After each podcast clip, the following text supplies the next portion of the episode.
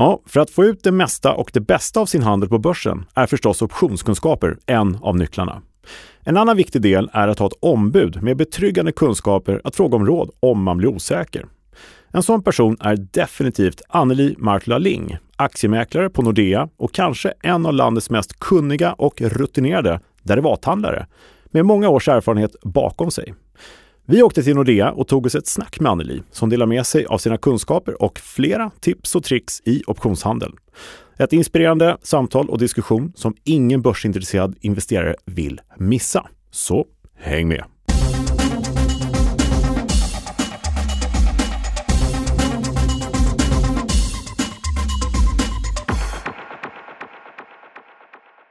Ja, säg varmt välkommen tillbaka till Optionspodden.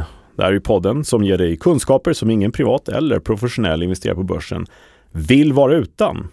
Här pratar vi om börsens hela verktygslåda och vi är inne på avsnitt 90. Framför mig har jag Eh, Thomas Bernholm, från... Nasdaq. Ja. Standardinledningen. Ja. Men du, avsnitt 90, jäklar. ja, Det går undan. det gör ju det. Mm. Vi räknar ut att det är någon gång i den här takten i höst va, som vi har avsnitt 100. Då blir det party. Hur ska vi fira det? Jag vet inte. Det finns poddar som har typ 10 000 avsnitt. Undrar de gjorde. Ja, det är Mm. extremt. Men du, eh, ja, eh, välkommen tillbaka. Tack så mycket. Är det bra med dig? Eh, Det är jättebra med mig. Det säger man alltid, det är bra. Det är en sån här psykologisk fakt- faktor läste jag, vi som håller på med börspsykologi. Mhm. Man säger oftast, ja men det är bra. Men ibland kan det vara lite tunga, tuffa dagar, speciellt när börsen kanske inte går rätt och så. Du kändes uppriktig nu tycker jag i alla fall. Jo, det, det var jag faktiskt. Mm. Men ibland så säger man så fast man inte riktigt menar det. Ja. Och ibland kan man faktiskt handla på en marknadskänsla som kanske inte är helt uppriktig. Tänk som, på man, den. som man inte menade riktigt. Ja, faktiskt. precis. Tänk ja. på den. Ja, sant. Börsen, stark men orolig. Vad säger du om den? Ja, det känns igen. Mm. Mm. Lite så va? Exakt, jag tickat Så- upp lite grann va? Mm, vi är en bit in i rapportperioden här och det känns ju stabilt men det har ju inte dragit iväg uppåt från de redan höga nivåerna så mycket som kanske några gjorde Mm. gällande skulle ske här. Men eh, ja, vi går igenom börsen alldeles strax. Just Eh, Men ja, I ingressen här, du pratade om Anneli från Nordea. Anneli, ja, det är helt fantastiskt att ha fått med henne i podden. Och jag är Ja. nyfiken på intervjun för jag var faktiskt inte med då. Nej, Du åkte dit själv till Nordea och intervjuade henne. frilansade. Ja, lite Eh, avundsjuk här. Ja, det förstår jag. Det var Ja. en väldigt, väldigt trevlig dag på Nordea som Kul. hände där. Så det är ju en eh, eh, inspiration värd att vänta på. Om man kommit så här långt i poddavsnittet. Det ska fram, man spola framåt också. jag ser fram emot att lyssna jag själv också. Ja, och du, eh, förra avsnittet pratade vi om tre strategier. Mm. Eh, bra surr. Och, Lite på hedge-sidan sådär, om man är Mm. lite osäker saker man ja, och det var väl mottaget. Vad kul. Eh, Ja, Mm. så eh, det har kommit många bra följdfrågor på dem. Så vi får väl anledning att följa upp lite strategisnack eh, här, men kanske andra forum också. Mm. Vi Kanske lite- lägga till flera liknande Ja. strategier. Vi har ju lite både events och webbinarier och grejer på gång här, så att, men det kan vi ta med oss sen också. Just det. Många cliffhangers nu. Det är din specialitet va? Ja, så att eh, jag tog bara ett citat från Anneli faktiskt. Eh, från deras lokala eh, lilla eh, Nordea Talks, där de var intervjuad. Jaha. Där sa hon att tjusning med det här jobbet är att när det plötsligt händer något i världen så kan det gå från 0 till 100 på en millisekund. Och jag kan ju bara instämma, eller hur? Ja, Lite tjusningen, som hon säger. Så, eller håller du inte med? Jo, absolut. Ja, och, såg lite skeptisk. Ja, nej men jag tänker bara, Mm. det är inte alltid en, en sån förändring kan vara positiv såklart, men ligger man rätt så är det väldigt kul. Och, Ja. och det, ja. Men som eh, liksom beskådare av börsen som Mm. helhet och marknaden, speciellt med optionsmarknaden så är det ju eh, det är helt klart tjusningen på det sättet. Liksom, Ja, att det visst. kan vända verkligen fort. Verkligen. Och sen har vi också en grej som pågår just nu, februari ut, och det är ett quiz. Just så man det. kan testa sina optionskunskaper. Det är en tävling. Visst är det det? Mm. Det gäller att svara rätt på snabbast eller kortast tid. Nio frågor va? Nio frågor ja. Mm. Man har tio försök på sig kan jag säga en gång också så man vet det. Ja, just och, det. eh, det finns en del fina priser. Det Mm. finns eh, hoodies och det finns t-shirts med Nasdaq på och inte minst en börslunch. Det är första priset med oss, typ. Ja, ska avslöja det? ja, precis. Nej, men börslunch med... Säg det inte till någon då. Håll det för dig själv. Ja, exakt. Mm. Så att gå in och vill man vara med och testa det här quizet, visa sina färdigheter inom Mm. optionsvärlden, så går man in på din blogg lättast tror jag, optionsbloggen.se. Mm. Där finns det. Där ligger det överst va? Mm. Eh, det tycker jag man ska göra. Och fram till sista februari Ja. 2024. Sen är det för sent. Exakt. Sen kan man Och det är ringa 29 februari i år, så att det ska åt, så man har en Ah, extra dag på sig. Wow. Mm. Ja, in och kör. Ja. Men hör du, eh, det här med börsen.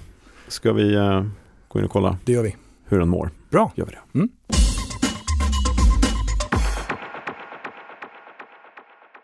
Ja, Kalle, läget Mm. på börsen så här under avsnitt nummer 90. Hur ser det ut? Ja, eh, nej men vi har en, som sagt en bit in i eh, vår lilla rapportperiod eh, och eh, det är stabilitet eh, över börsen kan man nog säga.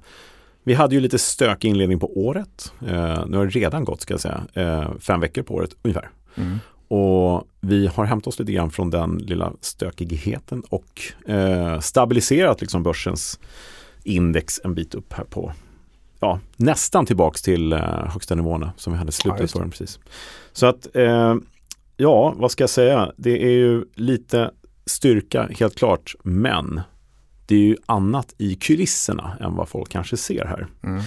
Och eh, tittar vi då på VIX-index, vår risknivå, så är det exceptionellt låg risk. Fortfarande? Fortfarande, sist vi sågs här så var det eh, 13,2 på VIX-index, vilket, i sig är historiskt lågt. Ja, verkligen. Nu är det ännu lägre på 12,8.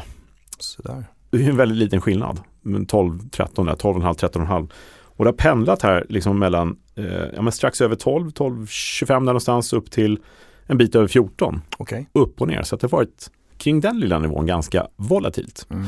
Och det säger inte så mycket. Det är ganska låg risk i sig. Det är värt att ta risk i aktiemarknaden alla dagar i veckan om du tittar på riskpremie på det sättet. Eh, och förvaltare tycker det är bra lägen att eh, investera i aktier. Det är starka rapporter, inflationsstöket, spöket ska säga är borta Mm. och allt det här.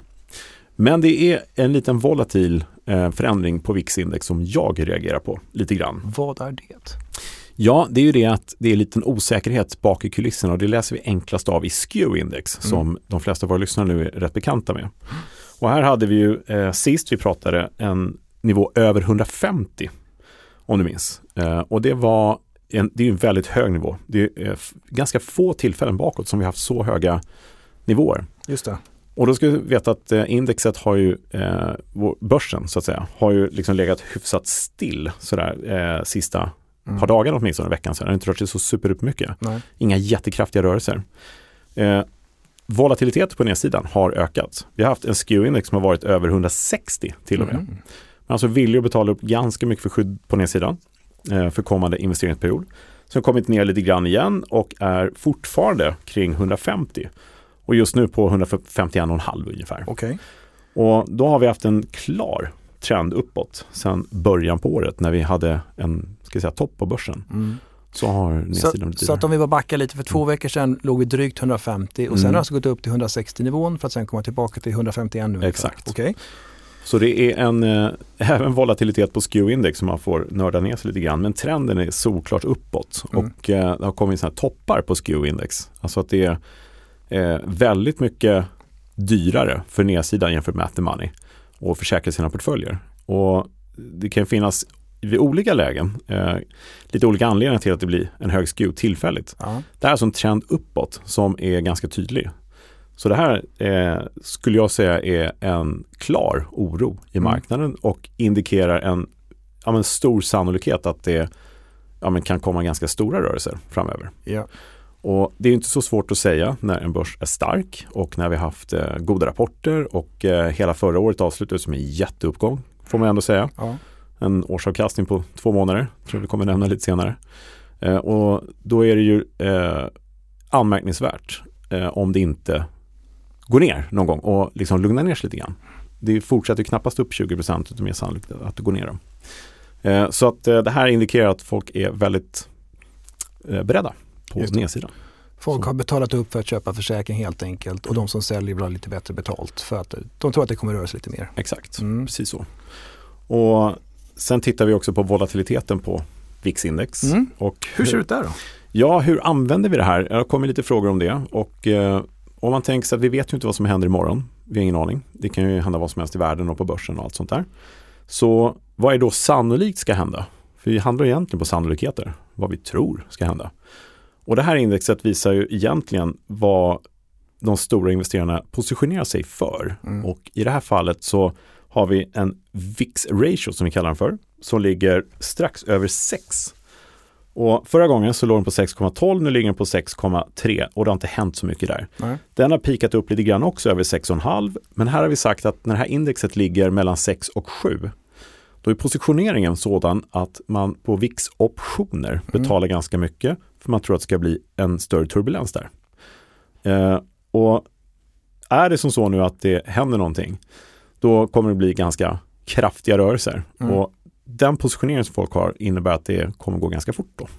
Om man ska försöka uttrycka på något märkligt Ja. Så att eh, summa summarum kan vi säga att det är, känns som eh, bågen är spänd i marknaden Mm. och förberedelserna stora för eh, rörelser Just framöver. Och rätta mig om jag har fel, men du brukar indikera om vi har ett värde där på kanske mellan 5 och 7 någonting så ska Mm. man vara lite extra vaksam. Precis så. Ja. Och över 6,5 där definitivt, då, då har vi nästan sett varje gång att det kommer en liten sättning. Mm. Och det såg vi sist här också i, ja, men för ett par veckor sedan. Så det här är ett index, eh, eller en ratio som jag tycker man kan titta på om man eh, vill ha lite extra info. Sådär. Eh, ja, det är bara att gå in på optionsbloggen och titta om man vill fördjupa sig där. Mm. Ska vi lägga ut lite mer info också om den här ration? Eh, för det är Ja, det är många som stort, frågar här. ja, Precis. stort intresse kring den och det är Superkul. kul. Ja. Eh, Och du, men ska vi gå över till våra egna papper som brukar säga? ja, För där har du mest amerikanska värden i, i VIX och SKU. Och. Ja, precis. Och eh, vi brukar ju följa eh, ganska bra eh, liksom den risknivån. Så vårt eget index ligger just nu på 12,5 i implicit volatilitet. Mm. Och det är inga stora rörelser från hur det har rört sig de sista 30 dagarna, den historiska. Och vi brukar prata om edgen. Eh, så att för fram till närmaste investeringsperiod så har ja, men marknaden värderat upp lite, lite grann risken. Eh, så att som det är just idag så ser man inga tecken på någonting som är väldigt riskfyllt framöver. Mm. Ingenting som är ingen stor del av rapporter så kommer ingen, eh, inget val i USA eller någonting sånt där eller vad det Mm. nu kan vara. Och, och bara Så. som om du vill förtydliga där, historiska volatiliteten ligger alltså lite under implicit volatilitet, hur optionerna Exakt. prisas i vårt index just nu. Ja, den faktiska rörelsen, det vi vet, Ja. sista 30 dagarna, är lite lägre än vad eh, marknaden prissätter Just det. närmaste framtiden. Och därav en, en något positiv edge då på dryga procent. Exakt, Ja. man tror på lite högre risk helt enkelt, fast det är väldigt lite marginellt. Mm.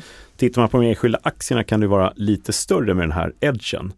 Vi kan titta på AstraZeneca som eh, fortfarande, eh, nu blir jag osäker men jag tror inte den har rapporterat. Eh, och då har vi liksom en ganska kraftfull edge. Mm. Här höjer man helt enkelt implicita volatiliteten eh, rätt friskt eh, inför rapport och så brukar det vara. Just det. Och i det här fallet är alltså implicita vållan eh, hälften av, eh, nej förlåt, dubbelt så mycket mot, Ja, mot det historiska. Så att vi har den historiska volatiliteten är, 13 ungefär. ja, och implicit är, Ja, 27,3. Ja.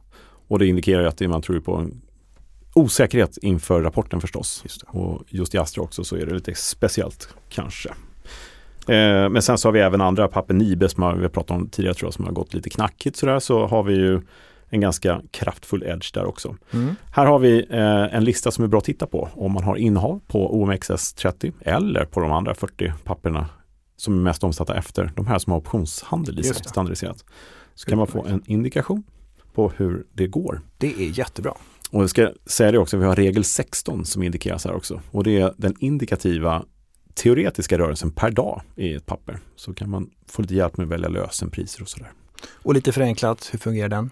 Regel 16 det är helt enkelt en omräkning av den implicita volatiliteten. Man tar den helt enkelt delat med 16 och då får man en eh, i teorin, i en låg normalfördelad värld, eh, Mm. vad pappret ska röra sig per dag utifrån den. Och ett enkelt exempel, har du implicit volatilitet på just 16 så räknar du med en enprocentig rörelse upp eller ner. Ja, Mm. och här ska man inte ta det som en daglig rörelse utan indikativ daglig rörelse med 67% sannolikhet över ett års tid. Mm. Så det är ju lite så man får tänka. Mm. Men det är ändå en god indikation. Visst är det det? Mm. Ett bra hjälpmedel att förstå det här. Ja, Absolut. det är det. Så in, in på bloggen och läs mer om det.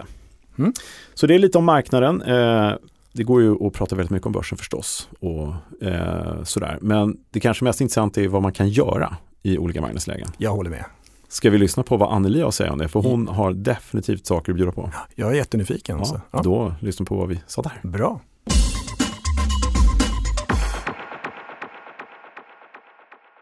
Ja men då så, hej Anneli, varmt välkommen till Optionspodden. Tack så mycket. Äntligen! Ja, Ja, det är trevligt att vara här. ja Ja. trevligt. Ja det är och för jag som är här, för jag är ju, vi är ju hos dig på Nordea. Ja, Ja. precis, Och precis. ätit god lunch och haft det bra. Mm. Hör du, eh, kan du inte berätta lite kort om dig själv? Jag känner ju dig väl. Ja, Anneli det har vi redan sagt. Men Martola Ling heter jag. Jobbar här på Nordea Private Banking som aktiemäklare. Eh, har gjort det ganska länge. Jag började på Nordea 1998 faktiskt. Det är väldigt länge. Det är jättelänge. Ja. Det har ju varit lite olika konstellationer genom åren. Ja, Så det har inte riktigt känts som man har jobbat på samma ställe hela tiden. Men nej. det är faktiskt så. De bästa- 25 år i banken snart. Det är ganska lång tid. drygt blir det och i marknaden. Ja. Och handlat optioner hela tiden. Ja men nästintill. Det är ju faktiskt så. Mm. Ja. Sen 99 började jag hålla, hålla på med optioner. Det var ju då att eh, man kunde inte lägga optionsordrar själv i marknaden som mäklare utan behövde gå Ja, via det. en ordergrupp. Då. Så det började med att man var som ordermottagare Gamla åt klassiska mäklarna. börsmäklaren. Precis. Och åren på Nordea kring 01, 02, 03 Ja, men var det de var, lite, åren. det var lite tungt. För då det jobbade ju- vi ihop. Ja, precis. Ja, men det var ju roligt att jobba med dig Ja, förstås. Men ja. marknaden var ju lite svår efter millennium. Ja, där. det var det verkligen. Och, så. och det är ju så, du har varit med om ganska många marknadslägen. Just Ja. där kring millennieskiftet, det känns jättelänge sedan nu. Ja, precis. Eh. Det var ju den, väldigt tufft. Och sen Mm. kom ju ja, 9-11, det var väl 2001 Ja, där. just det. Just. Lehman, Mm. konkurs 2008. Ja. Eh, ja, och sen Corona. Corona. Mm. Ja, pandemin som sagt och Ukraina-invasionen. Mm. Eh, vi pratade också om det var den här feltryckningen som var precis efter invasionen av Ukraina.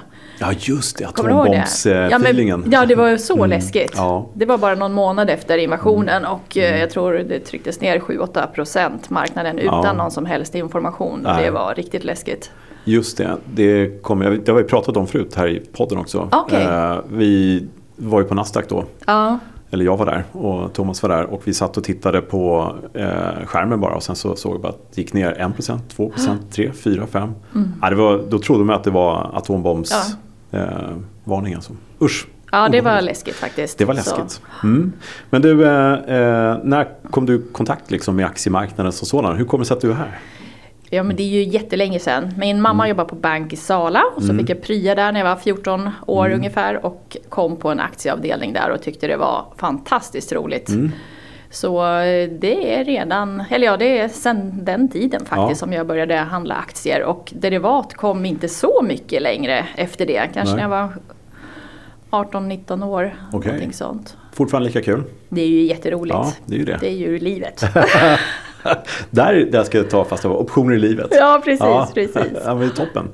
Men eh, eh, din roll idag som optionsmäklare, kallar du det för optionsmäklare Ja? Aktiemäklare, det ingår ju både aktier och derivat i, i rollen. Mm. Ja. Och det är ju någonting jag jobbar jättemycket med med mina kunder. Mm. Jag eh, har ju hand om många stiftelser men Mm. också juridiker och privatpersoner. Och eh, flertalet har derivatinslag. Ja, Det gäller ju att man har koll på att man eh, har ett förvar så att det fungerar att Mm. handla derivat då, som en vanlig depå eller ISK. Med det. Just det. Mm. kan erbjuda det i dagsläget i alla fall. Då. och du ingår i själva private banking-gruppen på Nordea. Jajamän. Så Och det är fortfarande så eh, att ni eh, ja, men, handlar mycket optioner och tittar mycket på strategier kring hur man kan hantera marknaden och sådär. ja, det är ju ett sätt att få en, en förbättrad eh, avkastning på investerat kapital. Och I och med att många stiftelser behöver eh, ha utdelningsbara medel så kan ju derivat i, i vissa fall vara ett jättebra komplement att Ja, men visst. förbättra det då, genom covered calls strategier som absolut är den vanligaste strategin bland Precis. mina kunder. Ja. Vi pratar med vissa så här förvaltare som sitter på hedgefonder och sådär. De säger att vi, vi kan inte sköta vårt jobb om det inte fanns optioner. Förstås. Nej. Gå kort marknaden och sådär.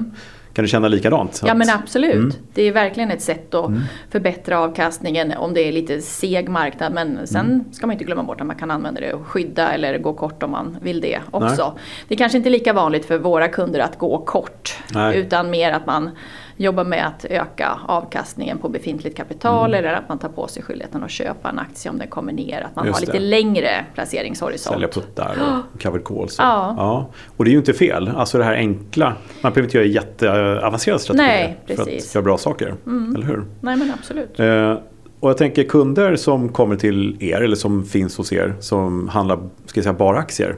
Hur informerar, informerar ni dem om möjligheterna med optioner? Gör ni det? Arbetar ni på det sättet att ni berätta vad man kan göra med en covered call kanske? Eller? Ja men absolut. Nya kunder får absolut den Mm. informationen och sen för befintliga har vi haft ett fint samarbete med, med er. Så att ni har haft eh, derivatseminarium som har varit Mm. Ja, jätteuppskattade. det. Ja. Så det är verkligen någonting vi, vi jobbar Mm. med och, och försöker hela tiden ja, bli ännu bättre på att informera om. För det är ju ett väldigt trevligt instrument Ja. att addera till portföljen. Visst är det lite kul att kunna informera den oinvigde investeraren om möjligheterna? Ja, Och visa, precis. Mm. visst du att du kan göra så här? Du kan tjäna att börsen går ner eller du kan skydda ditt innehav eller så här. Ja men precis. Det är lite kul faktiskt. Och, Och en strategi som jag hade lite, jobbade mycket med förut var FENS, att man Mm. sålde en, en, en covered call men använde premien sen att köpa ett Ja, skydd till precis. portföljen. Så Ja. det kan ju vara bra om man är lite orolig för marknaden framåt. Då. ja, typisk inspiration, så här, finansiera ditt skydd. Ja, precis. Ja, du får in pengar och så kan du använda det sen. Ja, det är ja, det är så här bra grejer. Eh, är, är det någonting eh, speciellt som du tycker man ska tänka på när man handlar med optioner? Om det sitter någon och lyssnar nu och tänker att jag kanske ska börja med det här. Eh, alltså i form av kunskaper eller tid eller val av konto eller så här. Ja men just val av konto så att man Mm. ser till att det går att ha derivat. Sen är det ju lite avtal och, och så vidare. Det är lite formalia Ja. innan man är igång. Ja. Och sen självklart det som är viktigt är ju att man alltid tänker på underliggande exponering. Mm. Så man hela tiden förstår vad är det man har tagit på sig. Om man nu säljer optioner, vad har man tagit på sig för skyldigheter? Ja, just Så man inte fastnar i att man kommer in i en premiefälla, att man bara vill plocka in Nej. stora premier och inte Nej. förstår vilken underliggande exponering. Ja. Så lite kunskap kring riskmomenten och sådär. precis. För då, då är det ju precis som att handla aktier. Utan då blir det till och med en, en lägre risk än att Mm. Ja. handla aktier. För oftast väljer man och, Ja men exakt. Ja. Skulle du säga att det är svårt att lära sig det här med optioner, alltså grunderna för att komma inte, igång? som- inte grunderna. Det kan Nej. Mm. ju vara lite fikonspråk. För det kan jag känna när man ska förklara att man, om du säljer en säljoption så tar du på dig att köpa en Mm. Ja, aktie. ja, Det kan ju en del tycka, det, det, ja. blir lite konstigt så. Det. Men det är ju inga konstigheter. Nej. Men det kan vara lite svårt i början att få den oinvigde Mm. Att börja handla derivat. Sälj på köpkursen och då får du ut den. Ja, det, Ja, det kan, kan bli lite så här, ja. ja, det kan bli lite, man halkar lite grann på Man vad, hackar vad man lite gör det kan låta. Och sen kan det vara. Mm. lite fikonspråk som vi använder och det får vi tänka, vi som är i marknaden, att man, mm, ja, Ja, man får förklara, Man får förklara. ibland. Ja. I lugn och ro. Ja. Men eh, eh, du har ju varit med länge, Ja. kom fram till. Gammal i, gå- i gården. Jättegammal. Ja. Ja. Vad tittar du på för att hålla koll på marknaden? Vad är dina liksom, parametrar du Nej men det första är ju vollan förstås, Mm. där man jobbar med derivat. Att man vill helst, om man vill sälja optioner, att man försöker hitta en bra eh, volla som inte Mm. är för låg, så man ändå får någonting för, för risken så att säga. Ja. Och sen blir det räntan vi tittar mycket på också. Ja, det. Och det som har hänt nu när räntan har kommit upp är ju faktiskt att det blir lite mer förtida lösen på, på just säljoptioner. Och Mm. Det det är också någonting intressant. som är viktigt att tänka på om man ställer ut säljoptioner nu. Att eh, lite, lite mer förtida lösen om, om kursen går Ja. åt lite fel håll då. Det där är superintressant. För det tror jag väldigt få faktiskt i marknaden har tänkt på. Att det finns en uppenbar sannolikhet idag. Mm. Ja. Att du kan bli förtida löst på en säljoption. Absolut. Sen teorin bakom det, eh, ja, det är för att räntan har stigit eh, förstås. Ja, Och jämför med köpoptionen då är det ju utdelningen som styr lite grann. ja precis, precis. Eh, Men det är intressant att nu kan du bli löst på både en kol och en putt. Ja, eh, plötsligt. och att man vet om att man kan Ja. bli det under löptiden. Det var Mm. mer det att man kanske ska framhäva det. Och egentligen det är ju inga konstigheter, det är bara att det händer tidigare än vad man har trott. Så det är inte Ja, att just det det. förändras någonting. Nej, just det. Precis. Och, Eh, Men jag tänker volatilitet. Mm. Det är ju, vi som håller på med optioner tittar på det hela tiden. Och jag skulle säga att jag tycker det är ganska bra om alla skulle titta på det. Om Ja. Mm. man tittar på den här implicita vollan mot hur det har varit historiskt. Så här, får en edge och sånt. precis. Eh, Är det så du tittar på vollan? Det är så vi tittar Ja. på det. Och det är väldigt intressant att se när någonting Mm. sticker upp. Och om det då är någonting man kan tänka sig att Mm. sälja eller köpa så är det ju perfekt att sälja de derivaten Mm. då för att dra lite nytta av en, en bra premie. Ja men exakt. Mm. Och det här har man användning för även om det inte handlar optioner. Kan man ju säga. Ja. Så det kan ju vara en bra introduktion kanske Till- aktiehandlare. Absolut, liksom ja men precis. Ja, Om man vill bygga en portfölj så tycker jag man kan köpa kanske hälften av de eh, Mm. aktier som man har tänkt och sen jobbar man med derivat både uppåt och neråt. Ja. Så kan man komma in och få en, en, ja, en hel viktig aktie Ja. genom säljoptionen om man blir löst då. Det är ju perfekt ju. Ja, såld vagga. Ja, Mm. titta. Här finns det hur mycket bra eh, strategier som helst. Vad är din favoritstrategi? Måste vi men fråga. vaggan är ju rolig kan jag tycka. Ja den är det. Du vet att Sen- jag säger att jag tycker att det är min favoritstrategi. Ja men det gjorde det min Ja. också. ja men det är faktiskt det. Det finns en anledning, det är en bra strategi. Ja, och den är ju ganska enkel att förklara. Um, en går ju alltid hem. Ja, minst. ja, så, så kan man ju säga. Sen kan ju båda gå hem också, att, man, att den landar i, i mitten då. Ja. Så eh, om du inte får göra en vagga då? Det, det som mestadels som vi gör det är ju covered calls, det måste jag erkänna. Mm, ja. Eh, och sen vaggor eh, och sen fens som jag pratade Mm. om. Eh, det är väl de tre vanligaste. Mm, Sen synteter, eh, Mm. absolut. ja. Eh, när du gör en fens, brukar du göra den direkt eller är det en uppföljning av en covered call ofta? Att du köper till ett skydd på nedsidan? Eller Ja, det är ju bra. Oftast blir det direkt. Ja, Men det går ju att göra på det hållet. Men det är Precis. lite trevligt när man gör den ena och så tar man den premien till att köpa Ja, det andra. det. Då känns Ja. det som förhoppningsvis en plus minus noll affär och så Exakt. har du ändå ett skydd i portföljen. Ja, den är ju super Den är nice. trevlig. Ja, det är Ja. faktiskt väldigt trevligt. Så eh, jag sitter här och blir inspirerad själv. Ja, det är bara hem och köra. Ja, eller, eller hur? Jag vill ringa dig. Ja, Ja, gör det är hur det. bra som helst. Men hör du, eh, eh, optioner och eh, lång tid i marknaden. Av alla de här åren du har varit med. Finns det någon sån här superminnesvärd? Jag brukar, vi brukar fråga det. Någonting, någon händelse i marknaden, någon tid liksom. Det är någon rörelse eller någonting sånt där.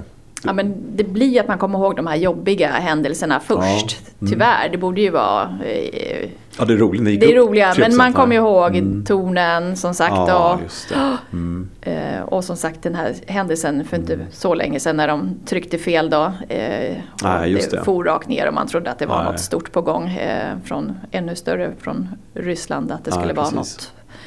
Ehm, ja, Mm. vad har vi mer då? Ja, nej, men Lehman Brothers och det här brukar Ja man säga. men det är ju liksom. som sagt, den, eh, det var ju också. Ja. Ja, det är väl det man kommer ihåg, de här stora rörelserna på nedsidan. Ja, liksom. det skulle ju vara kul att säga något jätteroligt uppåt. Men det blir Ja. lätt att man kommer ihåg de här lite traumatiska eh, händelserna. Ja, precis. Slutet eh, förra året, 2023, gick det upp 15 procent. Det Ja. minns man ju inte. Nej, precis. Det En årsavkastning på två månader. Ja, ja. ja. inget att minnas. Det kunde vara lika roligt i Ja. år. Vi håller tummarna att det kommer igen. Ja visst. Ja, men vi gillar ju eh, volatilitet eh, sådär, när vi håller på med optioner. För Mm. det kan vi utnyttja till vår egen fördel. Absolut, Och det är ju bra. det är jättebra. Och det, har man inte funderat på det så ska man ju faktiskt börja göra det. För Ja. det är ju någonting man har missat i sådana fall. Eh, men du, eh, rådande marknadsläge då? Vad säger ni på desken uppe till kunderna? Ja, men vi har ändå en, en ganska positiv syn från Private Mm. Bankings håll här på, på aktiemarknaden och, och har en övervikt mot aktier. Mm. Så Ja. eh, vårt base case är väl att det ska upp 5-15% procent med Mm. Ja, har vi 70% sannolikhet eller något sånt. Så det är ju trevligt om vi får det. Och Mm. då är det ju lite ja, måttlig uppgång vi pratar om också som är perfekt att jobba med. Just Mm. Ja. covered calls och vaggor i så fall. låter perfekt. Sen är vi mitt i rapporterna nu så vollan har ju stuckit upp lite och det är lite spännande eh, i samband med det Ja, förstås. just det. Eh, flera har höjt upp lite utdelningar så det känns också bra för Mm. Ja. våra kunder att det kanske rasslar till lite mer kuponger i år. Mm. Och det är under hela 2024. Ja precis, Mm. precis. Som är, Eh, och räknar man in då, för att det är ju ganska mycket som eh, händer i världen. Mm. Det är halva jordklotet går till val och sådär. Och så har vi ett amerikanskt val i slutet på året som är är eh, lite fokus på det, Ja. om man säger så. Och sen så är det så mycket konflikter i världen. Ja Sådär. det är ju stora Eh, orosmomentet ja. naturligtvis. Så är det ju. Men det är ingenting man eh, tänker på kanske i de termerna. Är det mer makroekonomiskt att räntan på väg ner, inflationen är Ja men det är dämpad? det vi trummar. Mm. Sen kan det absolut hända saker runt om i världen som inte alls är bra börsmässigt. Men att ett Mm. Nej. valår kan ju vara lite positivt Mm. för marknaden. Och att räntorna är på väg ner, inflation förhoppningsvis också. Då eh, känns eh, väldigt bra för, för börsen. Mm. Ja. Ja, det gör ju det. Och sen vet man ju, man kan aldrig veta vad som händer imorgon. Mm. Och det kan ju komma en ny konflikt eller kanske, gud förbjude, eskaleras någonstans och sådär. Ja. Och då är det väl ganska bra om man har till exempel en fens. Eller om man Absolut, har, precis. eh, man ska inte glömma kunskap. bort det. Att Nej. man kan lägga lite pengar på att köpa en option också. Oftast men- Mm. vill man ju ha pengar och få in pengar. Men ibland kan man ju tänka till att man kan skydda, skydda portföljen lite också. Ja, det låter som att eh, eh, det ni gör är att hoppas på det bästa men ni har möjlighet att förbereda er för det värsta. Kan man säga så? Helt rätt. Va? Bra! Gav jag dig en slogan här till Ja, alla precis. kunder? Jag köra. Ja, eller, eller Ja. hur? Men hör du, om eh, det är någon som sitter och lyssnar nu och eh, blir lite inspirerad av det här med covered calls och fans och så. Har du några specifika tips liksom, till de som vill komma igång med optioner? Hur man ska börja liksom? Ja men som sagt det är ju viktigt att ha ett, ett konto där man kan ha förvar för Mm. derivat och se till att man har alla avtal på plats. Fixa det liksom. Ja men Ja. precis. Ta kontakt med Ja. sin bank. Det tar- Naturligtvis Nordea då. Ja, men- självklart. eh, och det, det går ganska fort idag, eller hur? Det är inte så... Nej men det är ju oftast att man Sånt kan göra en veckor, digital signering. ja, just det. Så, Så det se till att man har sån på plats Mm, och eh, som sagt det går att bygga upp eh, fina portföljer om man vill Mm. jobba med halva vikter och sen ta på sig eh, sålda vaggor mot det. Och, Men Man måste ju inte handla bara för att man öppnar möjligheten. nej precis, det, är kan ju bara ligga det- där också. Ja visst, men det är, det är klart att ha möjligheten och sen lära sig hur man gör. Och Ja men lite det successivt och Ja. Mm. eh, börja försiktigt så man ser och det är bra om det blir lösen så man förstår vad man har tagit på Ja. sig för skyldigheter om Ja, man nu precis. jobbar med sålda Mm. eh, optioner. Just det, och det gäller att man har lite kunskaper bara så att det, eh, så man vet vad, man, vad som händer och, och där där. finns det ju mycket att söka på nätet och vi har ju också eh, din fina Mm. Ja, utbildning på optionskurs.nu som Ja. man kan kika på. Gratiskursen och, där, ja. Jajamän, Mm. och det är bara annars att ringa till, till om man har en mäklare eller kontakta sin bank Mm. då om man vill ha lite mera rådgivning. Och det låter ju som en, eh, ska säga faktiskt ganska lyxig variant idag. Det är inte jättemånga som sitter med så goda kunskap som du gör. Som man kan ringa till och faktiskt prata med. Nej men precis, det är Eller bara att höra av sig. Ja, Ja, man ser- har ju varit med i lite ups and downs här Ja. genom årens lopp. Så Jag är lite pro dig, du hör Ja, det är bra, det är bra. Det gillar ja, det är bra det. Men du, eh, till sist här då. Eh, vad tror du själv liksom om börsen? Vad tror du, vi ska säga så här, vad tror du om volatiliteten i år? Den är väldigt låg just nu. Ja, den har ju stuckit upp lite inför rapporterna Mm, och jo. ja, eh, ja, svårt. Det hänger Ja. Mm. ju lite på om det händer mycket ute i världen. Men Ja, det är klart det. som vi sa, valår och eh, en Mm. orolig omvärld så kan jag tänka mig att det bör vara hyfsat hög volatilitet Ja. framåt, komma igen lite. Ja, det låter inte orimligt. Och det fina då är, då har vi ju möjligheter att utnyttja det. Absolut. Ja, toppen. Du eh, Anneli, jag skulle kunna sitta hela dagen och prata med dig men jag vet att du ska iväg. Så tack snälla för att du ville vara med. Ja men tack själv för att jag fick vara med. Ja men vi kommer tillbaks till dig, jag lovar. det är bra. Ja, Ja, tack, tack, tack, tack. Hej.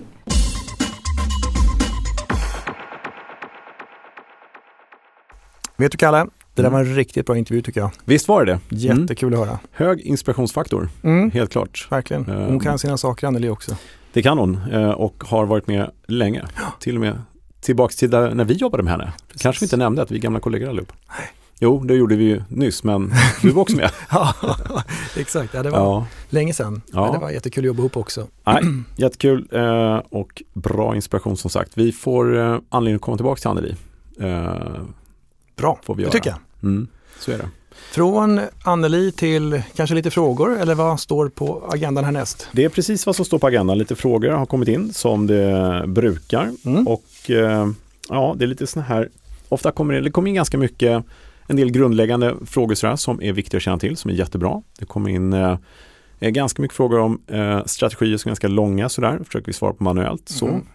eh, och så vidare. Vi kan ju inte ge något råd, ska vi kanske repetera. Just det. Det är viktigt, det får vi inte. Men ehm, vi försöker besvara allting och vi läser alla frågor, garanterat som kommer in. Och du försöker väl besvara sådana frågor som du får fler av också kan man säga. Om, om flera undrar samma sak så tar du och väljer ut dem. Så att du Absolut. servar så många som möjligt. Yes. Och Niklas är en som har frågat eh, en hyfsat vanlig fråga.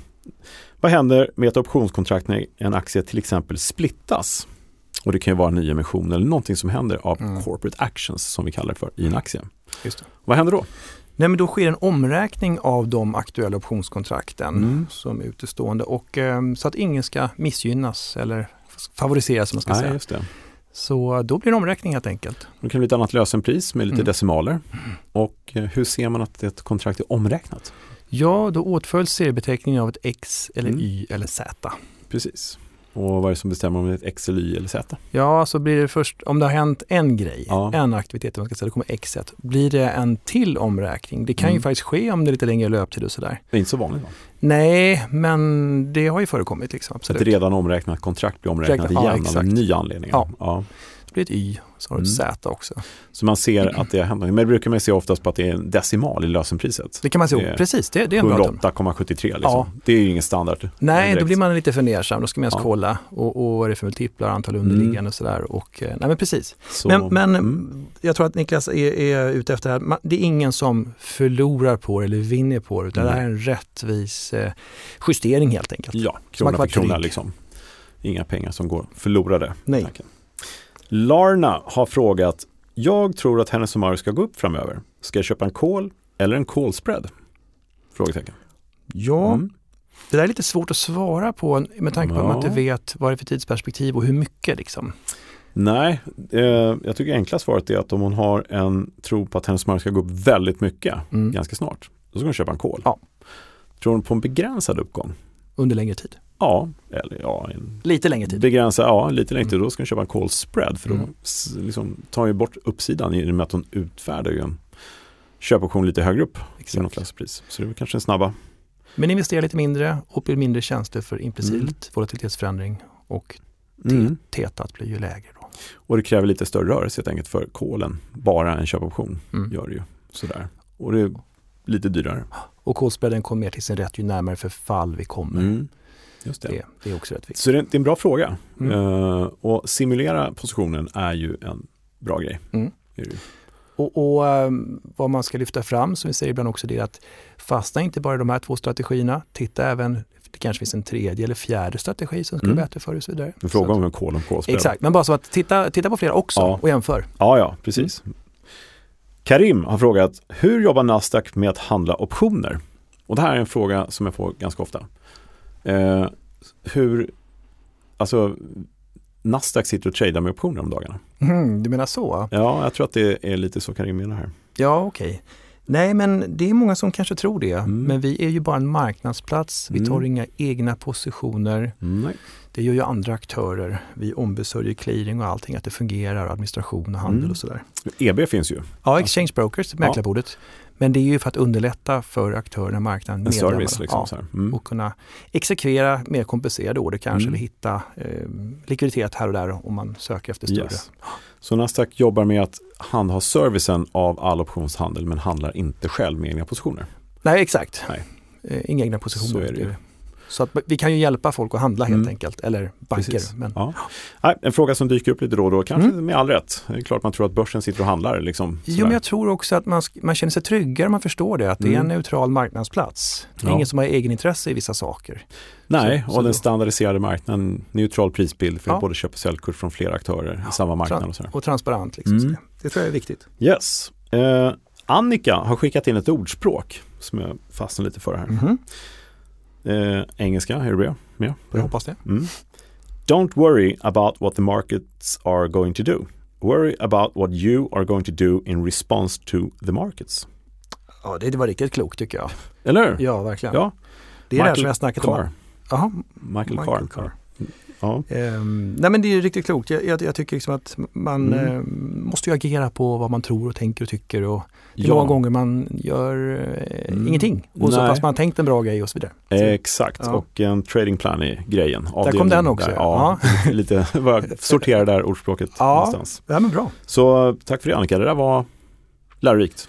Och jättekul att folk skickar in ordspråk tycker jag. Ja, eh, det kom ett gäng. Så tack för det och fortsätt skicka in både frågor, ordspråk och ja, alla härliga kommentarer som kommer. Mm. Eh, om vad ni vill höra mer av oss sådär, så ska vi leverera det i planen. Bra.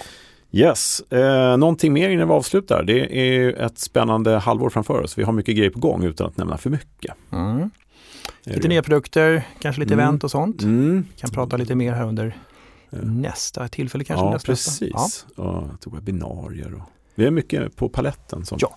Ja. Och som sagt förut, se till att finnas med i, eh, eh, vad ska man säga, i, våra eh, databaser. rullar. I rullar, ja, precis. Eh, Så att man får ett mejl när det händer saker och ting, nyhetsbrev. Om man vill och- ha det. Ja, men precis. tror jag man vill ha. Vi spammar ju inte folk så, utan eh, det kan komma Nej. någon inbjudan till något trevligt och sånt där. Så, att, Hata spam, så att allt som kommer från mig är verkligen spamfritt. så eh, även om du är en otroligt duktig handlare så gå in och reagera på optionskurs.nu så att du finns med till exempel. Ja, eller bara optionsbloggen.se eller en spir.se så finns det ett litet nyhetsbrev där. Mm. Och det, om man nu mot förmodan inte vill gå en optionskurs, men det ska Ja, ja. jag rekommendera att göra också om man vill. Man har optionalitet att välja här, det är bra. Yes. Då så, någonting mer? Nej, jag påminner bara om quizet. Ja, quizet ja, In och visa vad du går för. på optionsbloggen.se. Kul att spela. Ja. Kul. Ja. Vad, ja, du kan få bonusar där också, massa grejer så att du kommer. ja, men ja. det är i och för sig värt att nämna. Ja, Du kan vara duktig och svara rätt, Mm. men ska du bli för riktigt höga poäng, då ska du också dela länken med någon. Då kan du få bonuspoäng. Det finns Mm. instruktioner där. Så att, eh, Ja. Ja, jag tror jag låg nära 9000 poäng utan bonus. Får se vem som kan ta det. Du är diskvalificerad, du får inte vara med och spela. Nej, jag visste svaret på jag, alla har tagit, frågor. jag har tagit bort dig. Taskigt. Nej, Ja, men det, det kan vara kul. Ja. In och kör, så hörs vi om två veckor igen. Ska säga Ja. det? Eh, Ha det så fint. Ja. Tack för att ni lyssnar. Tack ska ni ha. Ha det bra. Hej då. Hej.